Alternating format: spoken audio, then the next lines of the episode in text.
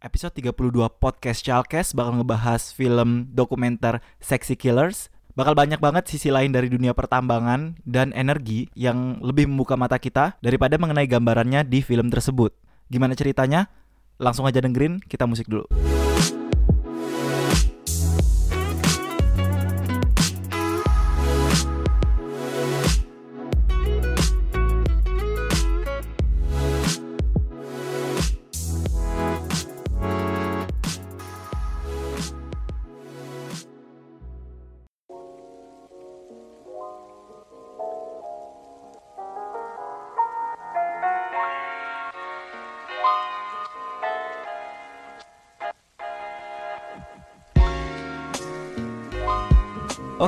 Balik lagi di podcast Chalcast Simple Makes Great.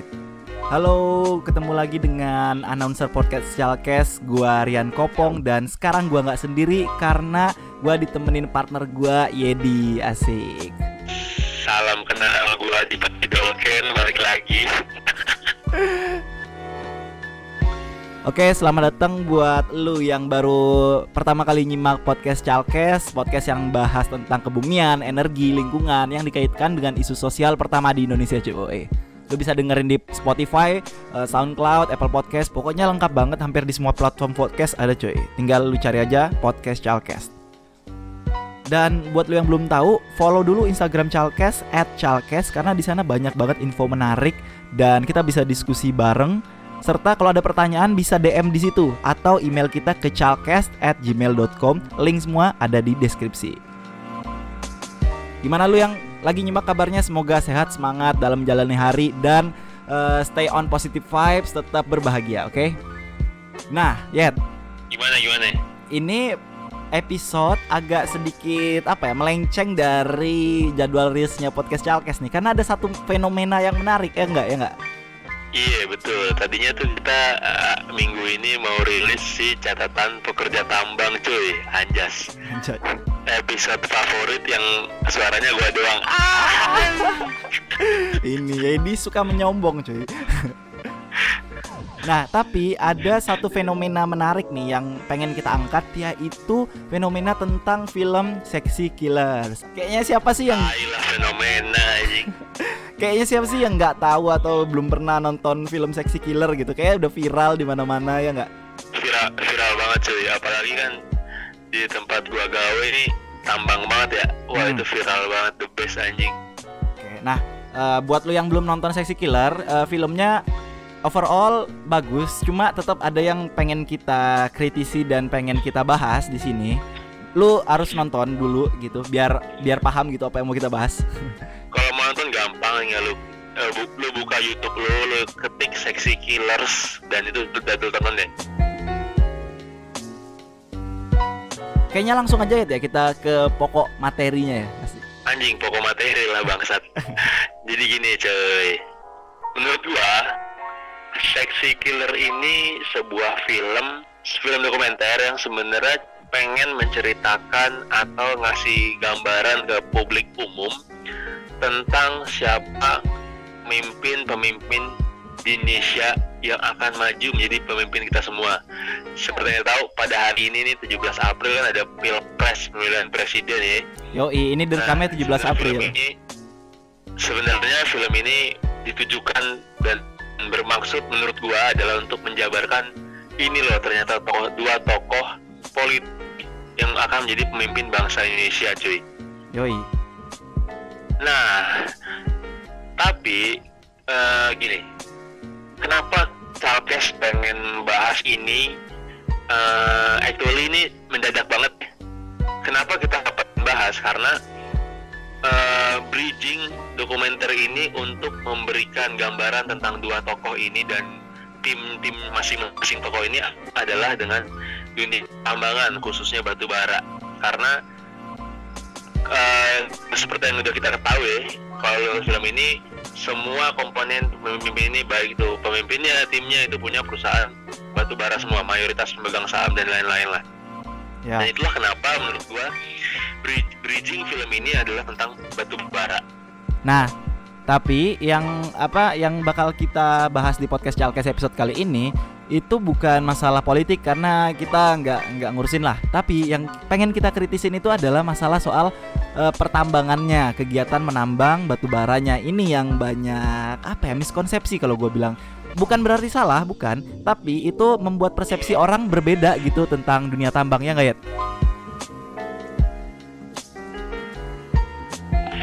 Sejujurnya ini film the best sih menurut gue bagus ya karena niat banget jadi sih yang bikin film ini adalah ekspedisi biru namanya naik motoran sampai Kalimantan sana. Itu tinggi banget gue tahu dan dan dan kualitas video segala macam tuh keren banget menurut gue asli. Apresiasi lah ya kita overall. Yang gue sayangkan film dokumenter ini lupa adanya dengan adanya prinsip di dunia perfilman cover both sides apa itu? Kalau denger, lu googling aja tai. Loh, gitu isi podcastnya. Udah gitu aja. Disuruh googling anjir yang dengerin. Banget anjing. jadi jadi jadi gini, cover both sides ini adalah uh, intinya tuh adalah kayak adanya sebuah tanggung jawab dari si pembuat informasi, pembuat film kepada film yang dia buat. Uh, enggak cuma film sih kayak media-media lain kayak berita di koran atau apa pun itu yang terkait dengan informasi ke kalayak umum punya tiga aspek sebenarnya Pong yang harus mereka tampilin. Apa aja tuh? Di dalam prinsip cover both side ini, yang pertama mereka harus nampilin dari tiga sudut pandang. Sudut pandang yang pertama adalah sudut pandang dari si pelaku. Dalam hal ini berarti dalam hal seksi killer ini berarti mereka juga harus sebenarnya menampilkan sudut pandang dari perusahaan-perusahaan batu bara dan ya. itu miss nggak ada sama sekali karena nggak ada konten yang uh, di situ lu bawa narasumber dari perusahaan-perusahaan terkait yang dibicarain di tempat itu gitu. Ya, uh, minim banget ya dia. Yang setahu gua ada bener tokoh yang dihadirkan dalam film ini pas ada perusahaan batu bara yang disidang masalah pencemaran lingkungan, masalah uh, void atau lubang bekas tambang yang enggak ditutup gitu.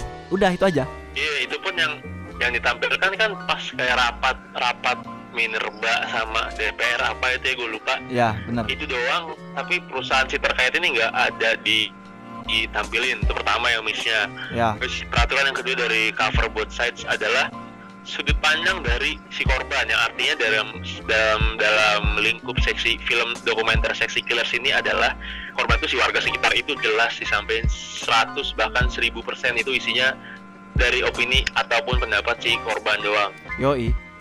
Ya kan? Setuju. Dan yang ketiga itu adalah kom komentar dari para, ahli.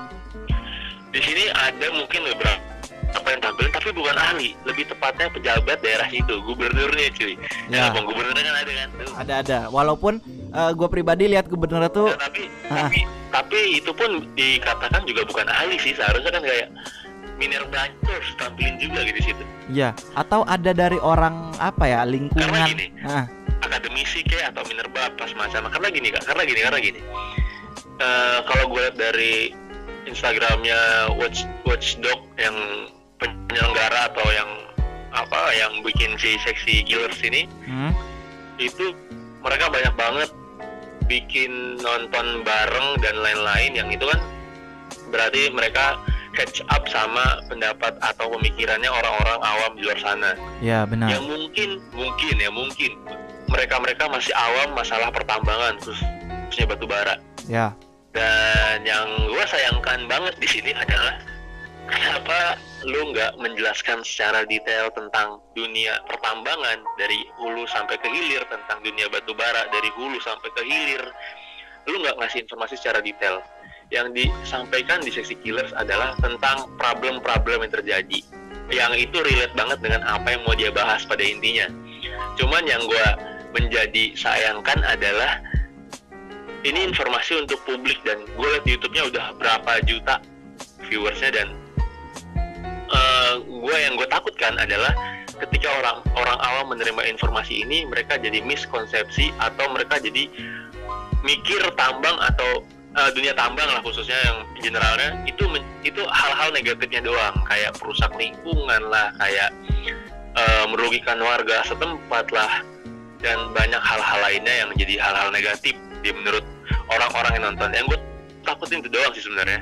Ya, nah, nah di sini muncul juga gerakan setelah film ini kayak tolak tambang, stop tambang gitu loh. Nah, uh, gimana ya? Emang sih gue nggak memungkiri ya sebagai Iya, nanti nanti pas pas gue balik balik ke Bekasi gebukin lah ya Iya. kerja lu kan kerja di tambang. Wah ini nih perusak lingkungan nih, bajingan gitu kan. Enggak, gue pengen kritisin tuh gini, karena ini nih sangat untuk publik dan penjelasannya kurang teknis, jadi gue nggak memungkiri ada beberapa kasus, ada beberapa pelanggaran yang terjadi, misalnya eh, lubang tidak ditutup, terus juga masalah polusi udara dekat PLTU dan sebagainya. Tapi balik lagi, itu tuh kebutuhan kita gitu. Kita yang butuh energi, kita yang kita yang akan merasakan manfaatnya eh, dan yang mau gue bilang gini, setiap kita bertindak pasti ada konsekuensinya kan. Nah, sekarang kita pengen energi kita tuh stabil. Kita pengen energi kita terpenuhi sekian ribu megawatt Eh, dan kita pengen harga yang murah gitu. Nah, ya solusinya ya batu bara. Solusinya batu bara apalagi. Dan kalau kita mau nyala-nyalain tambang itu sangat amat tidak benar karena apa pun energinya, apa pun energinya, gue bilang sekali lagi renewable. Misal nih renewable. Oke kita harus pakai pembangkit listrik tenaga air. Oke kita pakai emang pembangkit listrik tenaga air. Tapi tuh bikin turbinnya pakai apa? Pakai besi, besi dari tambang. Bikin kabel bakal listrik pakai besi, besi eh, pakai tembaga, tembaga dari hasil tambang lagi. Terus apalagi eh, yang renewable? Panel surya, panel surya itu harus disimpan di baterai cuy, nggak bisa lu panel surya tuh lu dapat matahari langsung dipakai itu susah, harus lu simpen biasanya. Nyimpennya pakai apa? Pakai baterai. Baterai biasanya bahannya lithium ion. Lithium, lithium dari mana? REE, rare earth element atau unsur tanah jarang itu hasil tambang juga maksudnya nggak ada yang bisa dilepaskan dipisahkan dari dunia pertambangan jadi sangat salah ketika uh, kita malah menolak tambang dan ada gerakan yang seperti itu yang harus dikritisin itu adalah prosesnya yang harus dikritisin itu adalah pelanggar pelanggarnya cakep. Bridging lu boleh juga pong. Iya soalnya apa ya? Jangan munafik lah kayak kayak oke kita lu mau pakai nuklir. Nuklir itu eh, apa namanya dari uranium. Uranium hasil tambang juga. Reaktornya semua hasil tambang cuy. Plastik plastik tuh hasil eh, apa dari minyak bumi. Jadi nggak bisa nggak bisa. Eh eh monyet jangan marah-marah bego. Enggak enggak ini gue nggak marah. Bocah kayak ceramain anak kecil anjing. Agak berhenti. Aduh. Gitu lagi gimana menurut Led? Yang gue bilang tadi. Relate nggak? Relate nggak? Nah tadi tadi tadi tadi. Iya itu itu relate banget dan gue suka satu kata dari tadi yang lo ngomongin panjang lebar adalah prosesnya. Ya benar. Jadi gini coy. Nah Em, di tambang ya terutama di tambang. Karena gue bisa ngomong gini karena gue udah beberapa bulan terakhir berkecimpung di dunia pertambangan ya anjay sosokan tuh jadi bukan bukan ih sombong dikit lanjut lanjut lanjut tai lah kagak anjing jadi gini gini di tambang itu punya proses oke Oke. Hmm. ketika dia deal suatu project untuk buka suatu tambang apa pun itu dia pasti punya sebuah perencanaan setahun ke depan tambangnya ini mau dibawa ke mana Hmm. Dalam artian mau dibawa ke mananya ini adalah eh, kalau dia tambang terbuka berarti pitnya mau dibawa ke mana desain pitnya kayak gimana operasional tambangnya kayak gimana ya kan Yoi. kalau di underground pun sama dia mau sampai sedalam apa terus desain di undergroundnya seperti apa safety-nya gimana dan segala macam semua itu udah ada desainnya semua udah ada perencanaan dalam satu tahun bahkan mungkin beberapa tahun ke depan juga mungkin ada kita Hmm. katakanlah setahun dulu ya setahun Ya. ada perencanaan setahun dalam perencanaan ini juga banyak mikirin tentang aspek-aspek yang bukan cuman operasional tapi juga aspek-aspek yang kena ke warga-warga sekitar situ. Contohnya di batu bara. Gue ngomongin di batu bara karena kalau yang lain itu gue rasa gue belum mampu buat omongin sejauh itu ya. Yang kayak bebel lu nya ada Ngomongin. gitu ya. gue ngomong di batu bara dulu. Jadi di batu baranya ada dia eh, punya prinsip gali akut dan bang Ya. gali itu material berburdennya atau material selain batu baranya sama batu bara digali. Ya. Diangkut. Batu bara diangkut material yang material pengotor diangkut batu baranya itu ke nanti ada namanya ROM run of mine tempat kumpulnya si batu bara batu bara ini. Kalau yang materialnya diangkutlah ke namanya disposal. Disposalnya bisa dikatakan kalau orang awam, awam tuh apa ya tempat pembuangan lah. Ya tong sampahnya lah. Nah dan di disposalnya juga nggak sembarang main lu tentuin di sini disposalnya di sini di sini di sini. Nggak sembarang lu banyak hal yang harus lu jadiin sebuah acuan sebuah parameter untuk menentukan tempatnya. Mm-hmm. pertama dari uh, uh, geometri luasannya yang kedua dari ini tuh deket nggak sih sama warga dan segala macam itu menjadi penilaian untuk menentukan tempatnya aja di mana. Itu yang pertama. Yang kedua kalau di pembukaan seksi killers dia bilang semua itu berawal dari ledakan. Salah. Ingat gak lo? Salah. Itu ya kan? itu sangat ya kan? salah. It's totally wrong. Yo, itu benar-benar salah.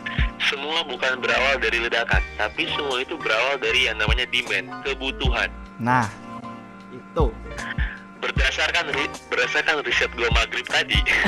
Baru dong. Jadi cuy, di Indonesia ya di Indonesia pong hmm.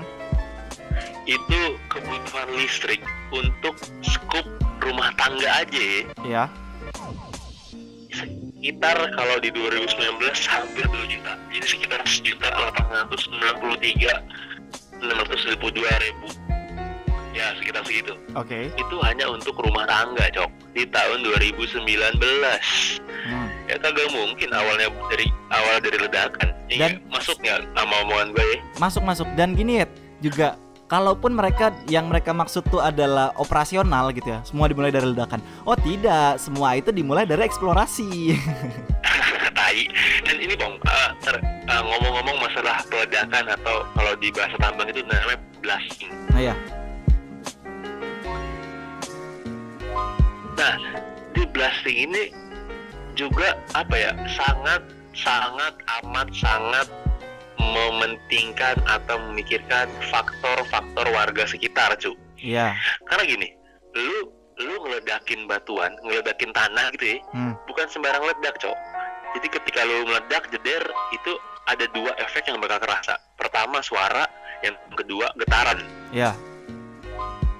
Nah, dua faktor inilah yang yang sangat dipikirin teknisnya tuh kayak gimana dalam proses peledakan ini supaya rumah-rumah warga di sekitar tambang itu efeknya nggak terlalu berasa atau mungkin nggak sampai ke getarannya nggak sampai ke rumah warga hmm. getaran ataupun suaranya yeah. karena jujur aja kan gue beberapa kali uh, ikut ya dekat-dekat di daerah peledakan situ ya uh, sekitar 500 lebih meter lah dari situ hmm. itu pas dia meledak itu kayak gempa bumi. Asli kayak gempa bumi. Iya iya iya. Terus gue pernah pas lagi sholat di kantor tuh deket pit nih di kantor. Pas lagi sholat lagi sujud nih gue pas gue masih awal-awal tuh. Buset gue hampir ngocek hampir ngacir gue gue kira gempa bumi ya. Terus pas gue lagi sujud anjing kan ada ini kan tambang ya goblok. Kamu tambang. jadi lagi. Jadi jadi sebegitu ngerinya saya sebegitu ngerinya yang harus lu jaga tambang itu supaya warga sekitar lu tuh gak ngerasain efek getaran sama suara. Nah ini juga yang mau jadi bridging gue operasional tambang itu kalau gue bilang ya operasional tambang dan minyak gitu ya walaupun lebih lebih ke minyak sebenarnya. Itu tuh merupakan operasional yang sangat amat aman dan semua safety-nya itu diperhatikan ya nggak sih? Gak mungkin lu nambang atau mengebor minyak itu nggak safety nggak mungkin. Kayak that's ya mungkin sih ada kesalahan SOP prosedur. Itu biasalah terjadi ada satu dua terjadi. Tapi tapi semua tuh udah diperhitungkan secara matang gitu oleh oleh teknisi oleh engineer ya nggak dan, dan gini, gini, gini. Di video di video itu kan juga gue sempat ngeliat di beberapa menitnya itu ada yang voidnya itu lubang bekas tambang nggak diolah lagi. Terus ada uh, ada perumahan warga yang udah longsor akibat adanya apa namanya itu? Akibat adanya proses buka lahan tambang segala macam ya. Ya ya ya. Nah jadi gini maksudnya gue nggak nyalahin si warganya ya jelas bukan salah warganya tapi gue lebih mempertanyakan kok bisa? Kok bisa orang buka uh, sebuah suatu perusahaan buka lahan tambang yang sebegitu besar buka lahan tambang yang mempunyai risiko yang tinggi? Hmm. kok bisa sampai merempet menyerempet ke rumah warga dan itu warganya masih punya bangunan di situ dan bangunan sampai roboh? Terus gue gini loh. Yang gue pertanyakan gue sebenarnya penasaran pengen tahu banget ketika dia itu ngambil seksi killer ini menampilkan video itu misalnya ada rumah warga yang roboh dan samping itu ada pit itu ada bukaan pit gitu.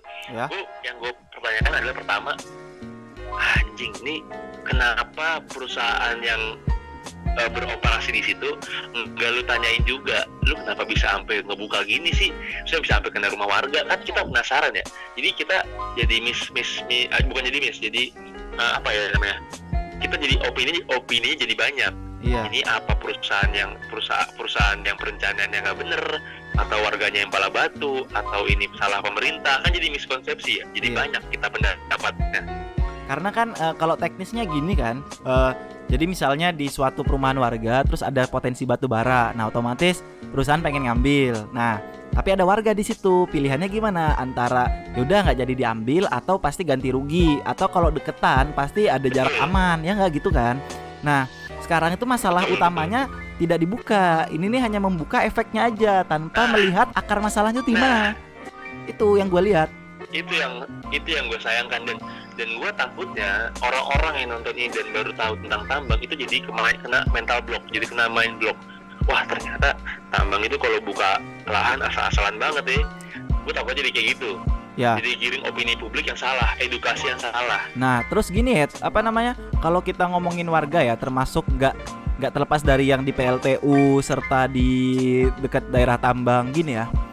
Eh, baga- balik lagi ke omongan gue yang awal bahwa bagaimanapun kita butuh energi, bagaimanapun kita butuh listrik dan listrik itu yang membuat suatu negara maju lah mau gitu nggak bisa dipatahkan lah. Nah, terus kita nggak bisa mendengarkan salah satu omongan oh ibu ini bapak ini. Memang jiwa manusia kita tuh emang harus empati. Tapi kita harus melihat makronya skala besar gitu. Dan ya mau nggak mau harus ada yang seperti harus ada yang dikorbankan. Dan apa ya seandainya eh, wilayah tadi tidak ditambang katakanlah jadi hasil pertanian doang. Oke pertanian baik tapi ya kita nggak dapat energi yang kita butuhkan nggak dapat batu baranya atau di PLTU oke lah misalkan PLTU itu awalnya perkebunan kelapa. Nah eh, seandainya itu perkebunan semua ya kita nggak dapat PLTU-nya kita nggak dapat listriknya ya nggak? Antara kita milih banyak kelapa tapi nggak ada listrik atau punya listrik tapi kelapanya bisa ditanam di tempat lain. Gitu. Ya nggak? Ya hidup ya kan kayak prinsip hidup lah. Hidup adalah sebuah pilihan kalau kata orang bijak ya. Iya benar nah terus juga Dan gini. Bong. satu lagi ya oh ya oke oke oke oke. Satu lagi yang peng- aduh bangsat saking saking semangatnya. Nah eh, satu lagi gini yang masalah polusi. Nah ini eh, apa ya? Kalau mau gue bilang eh, masalah polusi itu bukan hanya terjadi di sekitaran pabrik atau eh, lokasi tambang aja cuy. Lu di Jakarta, lu di Jogja, lu di Bandung di mana-mana setiap hari juga kepapar po- so- eh, polusi gitu loh. Di jalan itu sama-sama karbon. Nah, dan emang sih ada wilayah amannya. Ketika emang lu tidak bisa aman di sekitar wilayah tambang ya ya ya ya mau nggak mau gitu loh. Maksudnya kalau lu tetap bertahan di situ resikonya ya terpapar. Tapi gue yakin banget itu udah udah seminimal mungkin sebaik mungkin perusahaan eh, bisa untuk menyaring itu debu itu menyaring itu polusi. Seandainya ada yang kebocoran satu dua kita nggak bisa menyalahkan semua prosesnya gitulah terus tadi lu mau bilang apa ya Oke, bong, bong, bong. Nah. Nah, ini terkait polusi dan debu yang lu bilang tadi ya. ya Jadi gini, Bong. Di operasional tambang yang udah gue lihat ya sejauh ini, eh, di, di operasional tambang tuh ada nama satu unit unit alat berat namanya adalah water truck. apa tuh Truck yang isinya air. Iya sih jelas banget sih artinya Buat apa? Bukan buat minum orang-orang yang lagi gawe, bukan. bukan buat mandi bukan juga banget. Jadi si water truck ini mereka setiap berapa menit sekali itu keliling, keliling pit, keliling pit tambang. Buat apa? Nyiram air dari buntut si truk ini. Jadi di, di buntut truk ini kayak ada bolongan yang bisa nyebar gitu airnya kayak lu nyiram di lapangan bola gitulah nyebar gitu ya. Nah itu kayak di taman-taman, tam- eh, lapangan bola yang kalau keluar air nyiram otomatis itu kan nyebar gitu kan. Iya iya iya Nah, di buntut si water truck ini ada alat yang kayak gitu juga. Hmm. Jadi setiap berapa menit sekali, yaitu keliling pit, keliling jalan tambang sambil dia ngeluarin air dari belakang. Fungsinya buat apa? Biar jalan gak ada debuan. Sama contohnya kayak babe-babe kalau di jalan tuh di kota ya Ya. panas banget nih pasti siram-siram depan halaman rumahnya pakai air di em- Nah, masukin air ke ember disiram-siramin supaya kagak debuan. Ya. tambang juga gitu. Pakai water tank dikeliling debuan. Eh debuan keliling nyiramin air satu tambang dari belakang tuh kan. Truknya Hmm. banyak nggak cuma satu. Ya ya.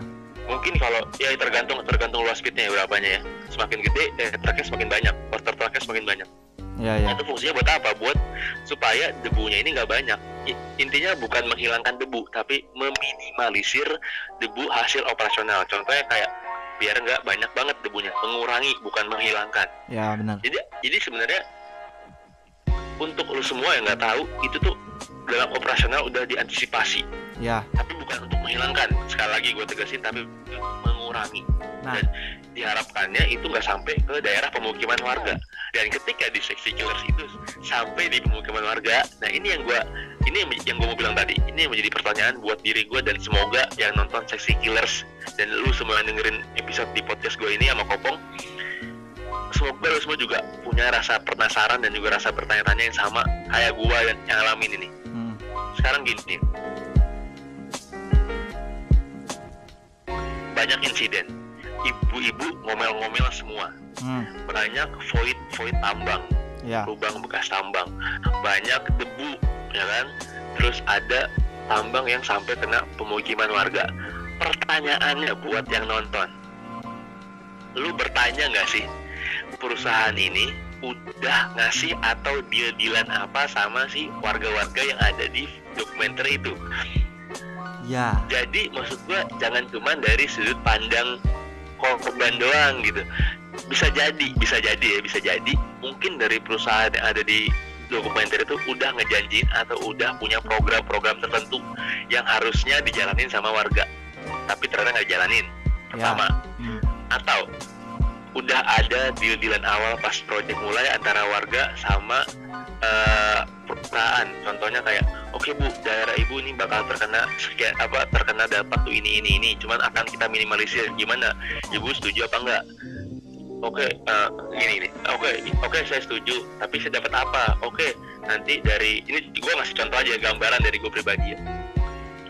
Oke nanti eh, kampung ibu akan kami buka lowongan untuk bekerja di tempat kami lokalan. Jadi nyerap tenaga kerja lokal. Ya operator-operator gitulah ya, pasti ada. kan?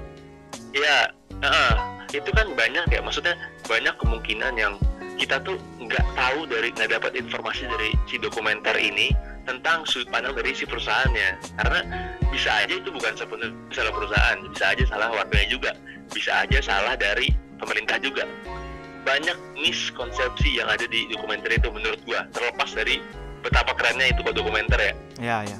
Nah, tapi yang gue sayangkan itu cuma itu banyak yang miskonsepsi di situ eh, terus masalah void atau lubang tambang itu setahu gua eh, adalah perusahaan tambang itu wajib untuk eh, merencanakan merencanakan apa? Merencanakan gimana caranya ini bekas tambang itu bisa ditutup atau dimanfaatkan untuk hal lain. Contohnya bisa untuk wisata, bisa untuk eh, reservoir air atau ditutup kembali oleh tanah gitu kan.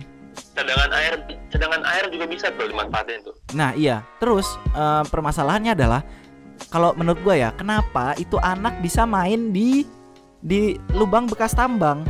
Kan itu eh, ada mayat, nah itu juga ada mayat yang ditemukan. Nah, Iya, itu itu gini ya soalnya anaknya kan telanjang. Ya kemungkinan berarti dia kan main di situ berenang. Nah, kenapa tidak ada yang mengawasi atau mel- yang melarang itu? Eh, nak, jangan main situ itu dalam lubangnya, nanti bisa tenggelam.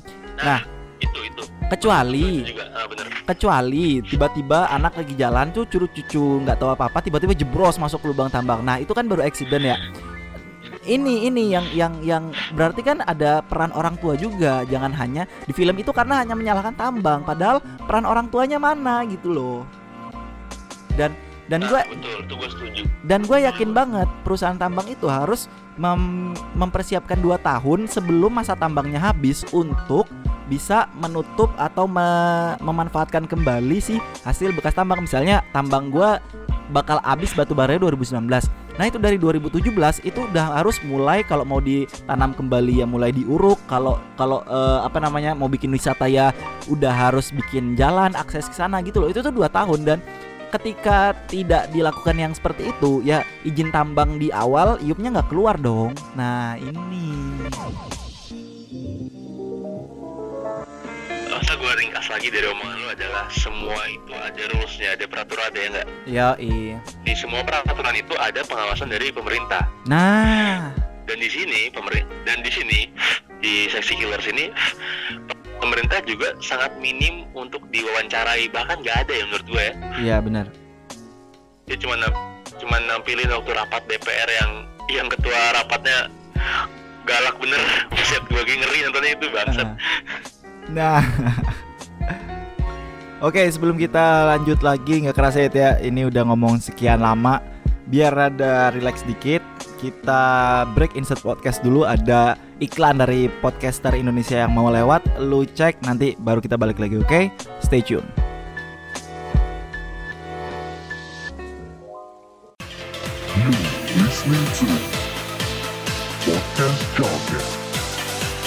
Simple Next Week.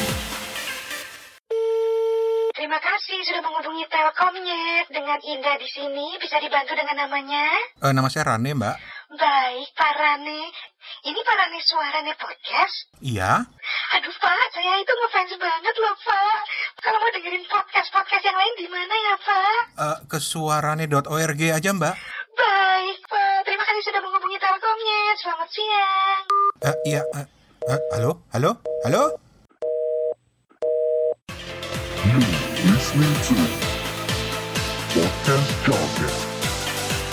Simple Week.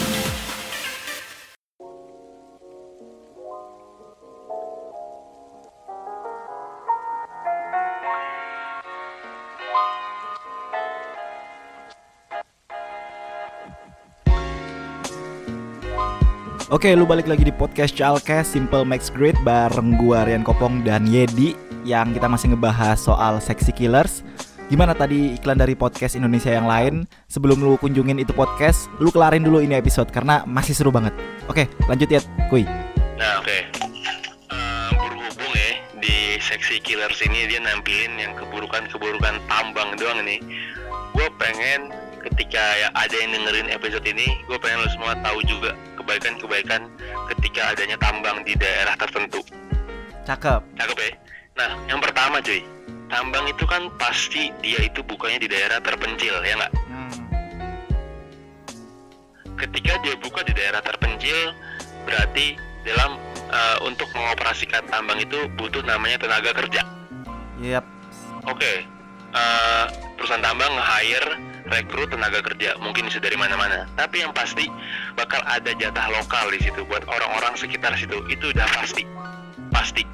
Pun di tempat gua kerja sekarang itu banyak banget orang-orang sekitar tempat gua kerja yang tinggalnya dekat-dekat situ. Kenapa gue bisa ngomong itu? Karena gue udah dapat faktanya langsung. Gue nggak usah nyari-nyari riset. Gue udah pernah ngerasain di sini sekarang. Ya. Yang pertama, yang kedua, yang kedua, roda ekonomi dari si daerah tersebut ketika rame orang, rame orang pasti bakal juga orang tersebut punya kebutuhan-kebutuhan mereka sendiri. Contohnya kebutuhan hidup lah, sandang, pangan, papan dan segala macam. Eh papan nggak usah lah ya, sandang dan pangan lah. Ya. Sandang dan pangan. Kalau di situ kagak ada jualan, orang di daerah situ tuh bisa bikin dagangan, bisa jual kebutuhan. Otomatis ada pendapatan masuk di situ. Dan pekerja tambang tuh rame banget kan, nggak mungkin sepi anjir. rame rame banget pak ribuan kali satu tambang itu ya Iya. itu satu bisa bisa tambang bisa banyak berarti di berapa ribu lagi tambah tuh kan Hmm. Populasi meningkat berarti kebutuhan meningkat ekonomi pun juga meningkat. Ya. yang ketiga daerah daerah yang terpencil tadi yang tadinya sepi. Nggak ada kehidupan nggak ada apa segala macam. Dengan masuknya orang-orang dari luar situ dari luar daerah situ bakal ada kehidupan. Bakal mungkin aja bisa menularkan teknologi teknologi yang lebih maju buat orang-orang sekitar situ. Nggak menutup kemungkinan dong ya nggak? Iya benar. contohnya nih ya dari dari segi ekonomi ya segi ekonomi depan mes tempat gue tinggal sekarang itu ada warung Indomie beberapa biji coba lu bayangin dah kalau di sini kagak ada kegiatan tambang kagak ada mes berarti kan kagak ada mes kagak ada orang tinggal Ya. di sini berarti hutan Hmm. kalau ini kalau ini semua hutan itu warung yang beli siapa Iya. kagak ada yang beli Kagak mungkin buka warung juga. itu iya itu apa Indominya expired juga gak ada yang makan itu Hmm.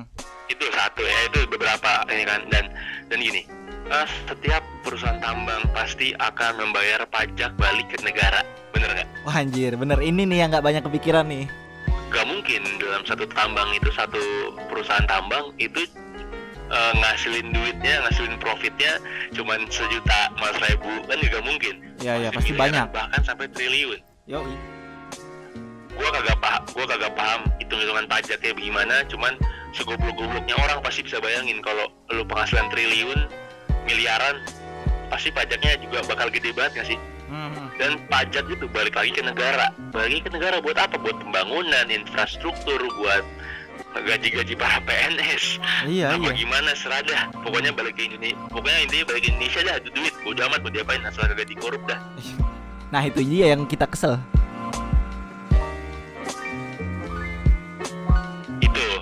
Ada lagi benefit lainnya Apa tuh? setiap perusahaan pasti punya namanya program CSR Yoi. gue lupa kepanjangannya Pokoknya intinya eh, CSR itu kepanjangannya adalah eh, Corporate Social Responsibility. Anjay. ah itu dia gue kemarin baru gue cari lupa gue sulit nama itu diapalin Lanjut. Intinya program CSR ini adalah gimana caranya tuh perusahaan memberikan feedback positif ke orang-orang di sekitar. Contohnya kalau di, di tempat gue sekarang ada di itu program CSR-nya macam-macam kayak yang paling gue ingat ya yang paling gue ingat itu berkaitan dengan pendidikan. Ngasih beasiswa.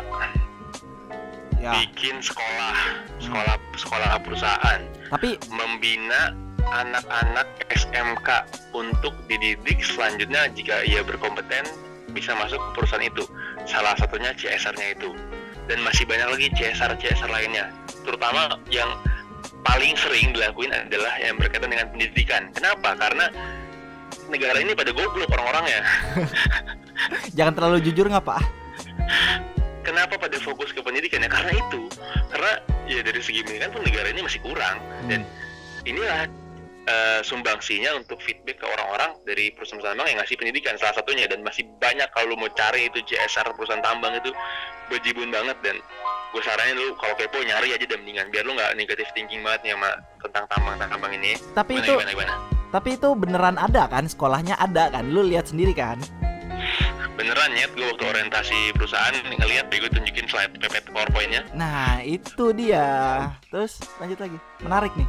dan mereka dan mereka kayak mendukung perusahaan ini mendukung kayak program-program penelitian contohnya kayak tem- di tempat teman gue nih di ITS nih Hmm? dia itu ada menggambarkan mobil ele- mobil elektrik lah atau mobil apa ya gue pokoknya tentang mobil, mobil elektrik gitu ya itu didukung didanai disponsorin sama perusahaan gue ini sekarang Ya ya ya. Buat apa? Buat jadi buat buat nyokong dana. Lu, lu kata bikin mobil elektrik murah kan mahal ya? Jadi disupport lah dari situ. Dan ini yang menjadi jadi menjadi menjadi apa namanya? Menjadi eh, eh, kontranya eh, kontranya si perusahaan tambang ini. Dia itu oke menggeruk bumi. Oke dia listrik. Oke dia energi kotor. Tapi lain sisi dia juga berusaha buat mengembangkan anak-anak Indonesia terutama orang teman-teman yang kita kuliah sekarang ini buat ngembangin karya mereka terutama di energi terbarukan Nah, bahkan di negara yang udah clean energy sekalipun, kita ambil contoh Norwegia. Norwegia dia dapat dana untuk mengembangkan clean energy itu dari mana?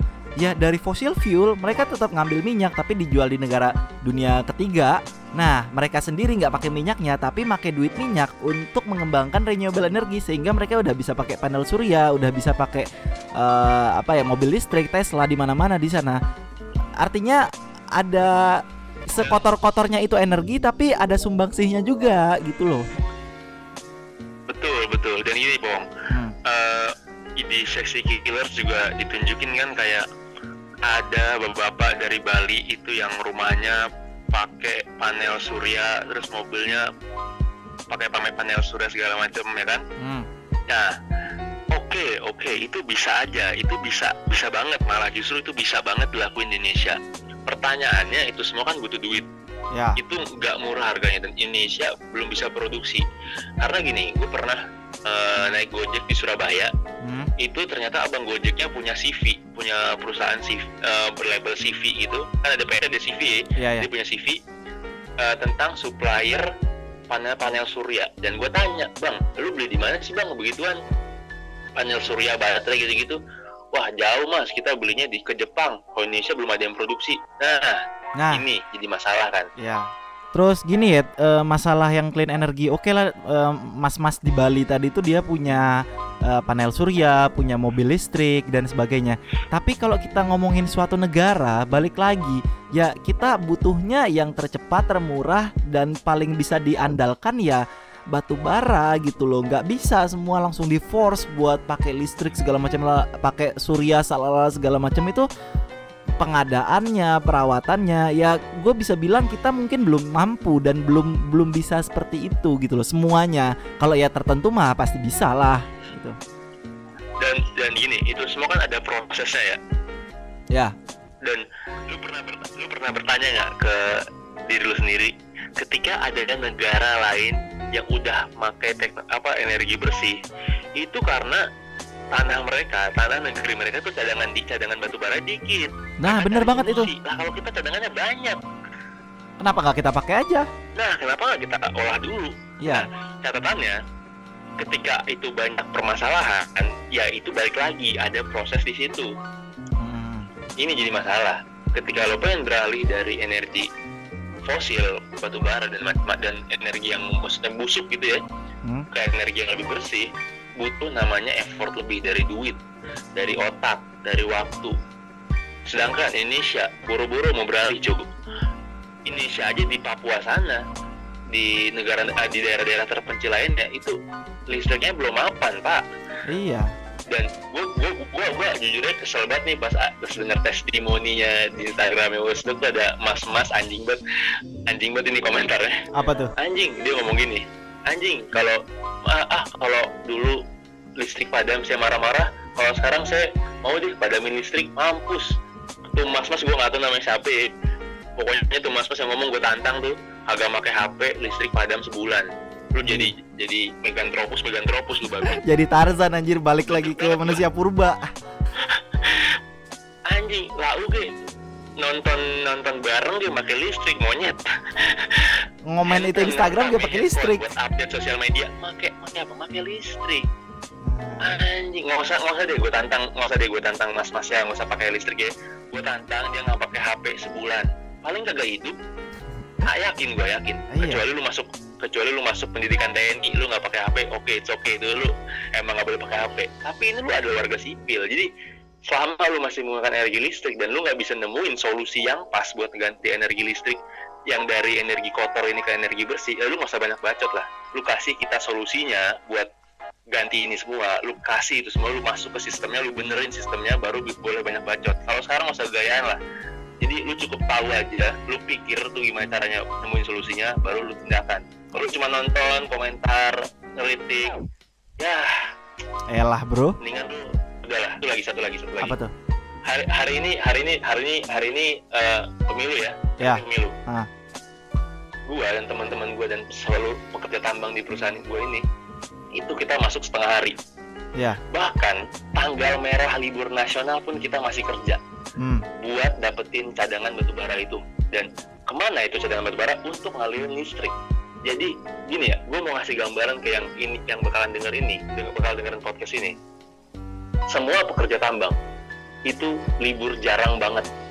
Itu kita kerja nonstop. Satu minggu kita hajar kerja. Buat apa? Buat ngejar produksi batu baranya. Ketika kita li- ada libur atau ada eh, loyo dikit aja nih produksi batu baranya nggak tercapai itu mungkin dampaknya satu daerah listriknya padam karena nggak ada suplai batu bara ke situ. Dan di sini yang gue sedihnya dan semua mayoritas pekerja yang ada di batu bara ini sedih dan nggak setuju sama video itu sama dokumenter itu adalah ketika batu bara dan tambang lain dijudge sebagai energi kotor dan mereka menolak semua. Karena kita di sini bekerja nonstop, bekerja capek gitu ya. Itu pertama ya untuk diri kita sendiri, untuk kehidupan diri kita sendiri. Tapi yang kedua adalah supaya lu semua bisa hidup di kota bangsat. Iya, benar benar tuh. listrik tuh ada. Setuju, kalau setuju. kita kalau kita gak ada kita, ya lu kagak punya listrik. Lu balik aja ke zaman batu gitu loh. Iya. Jadi tolong kita sama-sama menghargai aja kan Hmm. kalau lu belum, punya solusi belum punya belum punya eh, apa ya belum punya solusi untuk negara ini ya nggak usah banyak bacot cari solusinya baru lu up ke publik itu dari gua pesan dari gua adalah ketika siapa pun yang nonton yang dengerin episode ini dan udah nonton Sexy Killers dan lu mendapatkan semua informasi itu coba lu kaji ulang lagi coba lu cari tahu lebih dalam lagi dan jangan lu telat mentah-mentah. Coba lu melihat dari sudut pandang yang lain sudut pandang beberapa sudut pandang. Karena kalau lu cuma lihat dari info dari situ ya ini bangsa bakal gini-gini aja. Bakal goblok-goblok terus. Oke? Ya. gitu aja pesan gua. Dan dan satu lagi eh, dokumenter ini kan tujuan utamanya adalah pengen nge-up pemimpin-pemimpin kita yang akan datang kan dan Ya. jajarannya lah Ah. dan gue sayangkan banget bridgingnya adalah keburukan dan negatifnya dari tambang dan dia menurut gue videonya kurang banyak dia juga nggak nampilin proses penambangannya seperti apa karena masyarakat jadi tahunya cuman after penambangan pra dan saat penambangannya jadi nggak tahu itu yang gue sayangkan banget dan di sinilah gue sama Kopong coba meluruskan ke lu semua yang udah nonton dan lu semua yang belum tahu tentang dunia pertambangan gitu aja Nah, itu dia saksi dari apa pekerja tambang yang udah beneran kerja di tambang sekian lama. Enggak sih baru bentar. Ah, seru banget. dan asli loh Pong maksudnya ini ini out of topic anjing eh, apa itu teman-teman gue di sini yang udah nonton Sexy Killer itu pada apa ya pada anjing nih pada emosian terus juga di Chalkes beberapa ada yang nge-DM kita kan buat membahas dong bang. Bahas dong bang bahas dong bang. Terus kayak ada juga yang anjing nih gue ada juga teman gue yang bilang bilang di grupnya itu ada ribut-ribut soal soal film ini soal dokumenter itu nanya ke dia lu gimana nih pendapat lu sebagai pekerja tambang? Terus ada lagi yang jelek-jelekin semacam ada lagi juga teman gue yang eh, di kerja tambang juga juga banyak yang nggak terima dan ya udah jadi intinya banyak kontra banget dari dokumenter itu dan itulah kenapa judulnya is sexy killer eh, sexy liar Asik. Sekut. Emang podcast Chalkes nih sekut ya. Nah, itulah dia. Jadi jadi kalau dari gua sih untuk wrap up ini semua Intinya tuh film Sexy Killernya bagus, udah cukup menarik, dia membuka mata kita. Tapi yang perlu diingat, tidak semuanya benar dan semenyedihkan itu gitu loh. Karena ya ya yang udah dibilang tadi semua ada prosedurnya, kita perlu listrik dan feedback perusahaan pun pasti banyak buat negeri, buat masyarakat dan ujung-ujungnya buat siapa? Ya buat kita dong. Asik. dan semoga yang buat itu dokumentasi dokumen film dokumenter ngedengerin podcast kita yang pendek ini Iya iya. biar siapa siapa tahu dia ada bikin film baru tentang positif positifnya tambang kan siapa tahu ya Iya. Mana tahu podcast Chalkes terlibat gitu ya. tutup tutup tutup tutup tutup aus gua kebaca Aduh. Yaudah, coy, terima kasih banyak dari gua, dari Yedi juga yang udah nge- ngedengerin sampai menit kesekian ini. Terima kasih banyak. Semoga bisa bermanfaat. Kalau ada kata-kata yang salah, gua mohon maaf. Eh, gua sama Yedi cabut.